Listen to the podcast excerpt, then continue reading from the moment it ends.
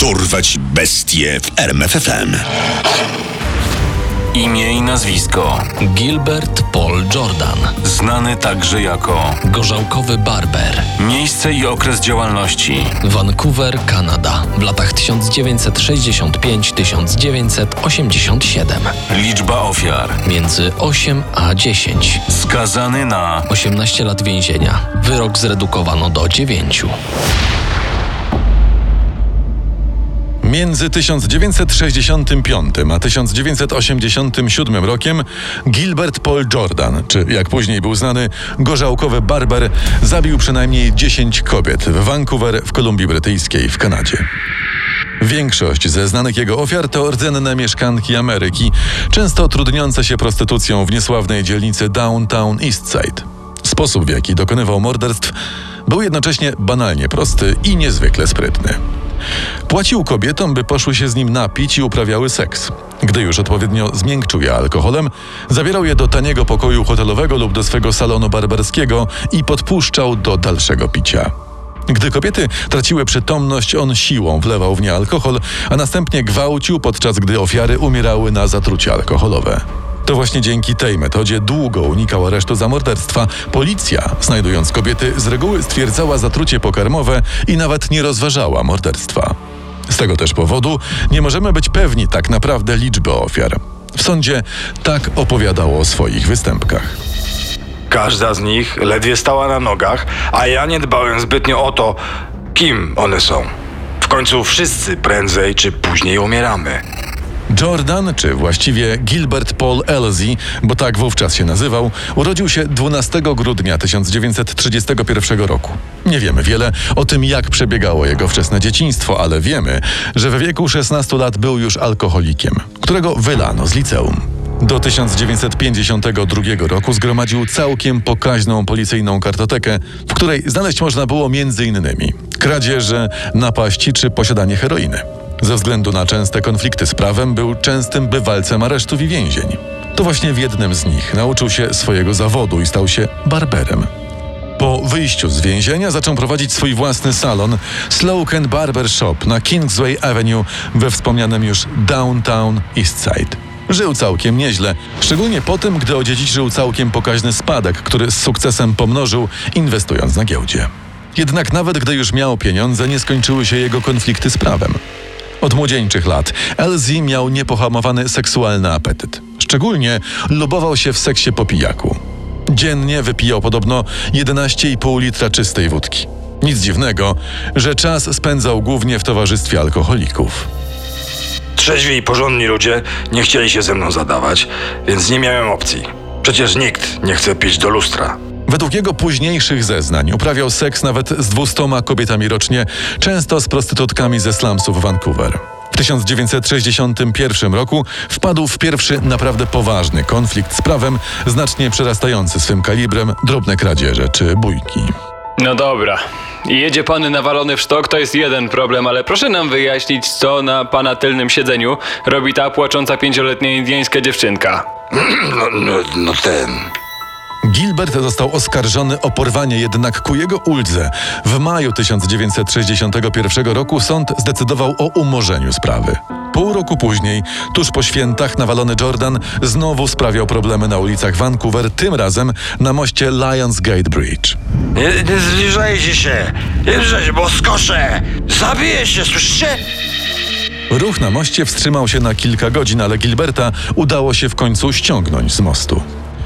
Za te dramatyczne popisy i stworzenie zagrożenia w ruchu kolejny raz w swoim życiu stanął przed sądem, gdzie tylko przysporzył sobie kłopotów, wykonując nazistowski salut, gdy sędzia wchodził na salę rozpraw. W 1963 roku Gilbert Paul Elsie zaprosił do swojego auta dwie kobiety, zapraszając je na drinki.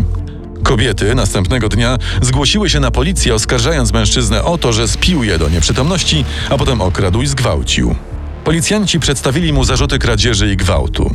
Sąd uznał Elziego winnym kradzieży, ale uniewinnił go w sprawie gwałtu.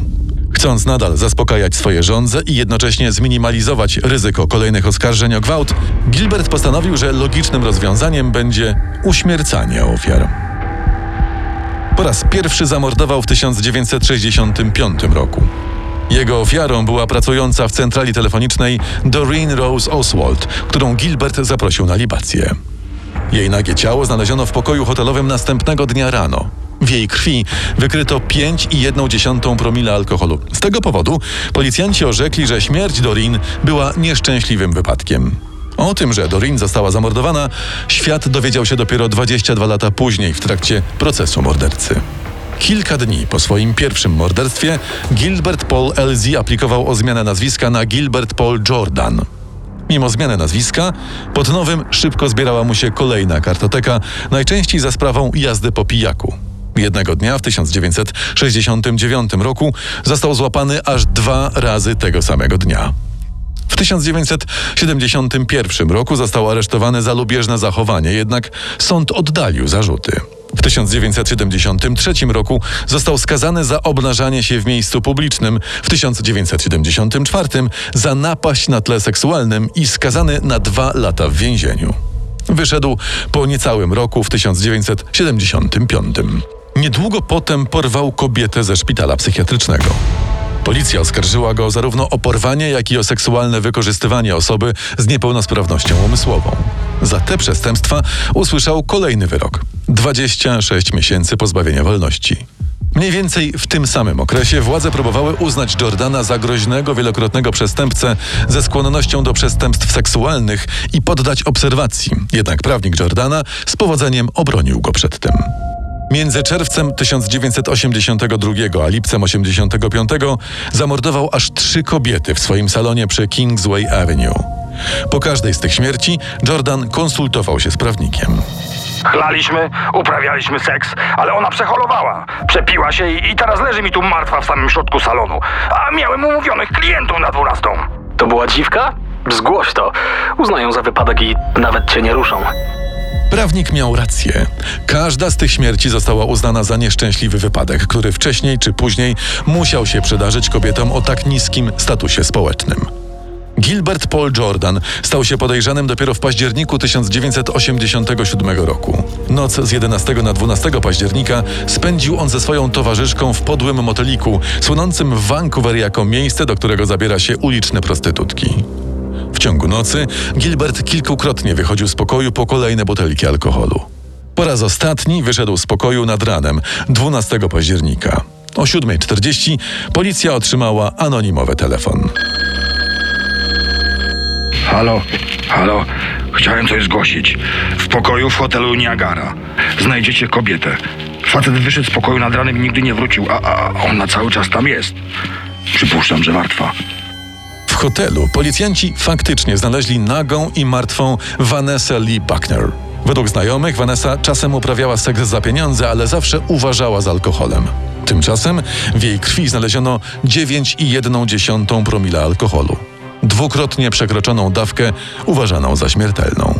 Policjanci postanowili namierzyć numer, z którego wykonano anonimowe połączenie do pokoju w innym hotelu Marble Arch, konkretnie do pokoju wynajętego na nazwisko Jordana. Niecały miesiąc później w innym hotelu znaleziono zwłoki Edny Shade. Na jej ciele odkryto odciski palców, które pasowały do odcisków z kartoteki Jordana.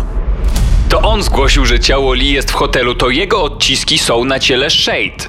Musimy go obserwować. Na 90% to jest nasz gość. Obserwacja przyniosła rezultaty. Przez 11 dni funkcjonariusze aż czterokrotnie przerywali jego libacje, które miały skończyć się śmiercią kolejnych kobiet. Podsłuchując go, słyszeli dokładnie, jak zachęcał swoje ofiary do pijaństwa. No dalej, mała, weź sobie jeszcze drinka. E, dam ci 20 dolców, jeśli go wyzerujesz od razu. E, przekonajmy się, czy jesteś prawdziwą kobietą. Tak, bardzo ładnie. A teraz potrzebujesz kolejnego drinka? O, dam ci 50 dolarów, jak wypijesz go do dna. Co ty na to?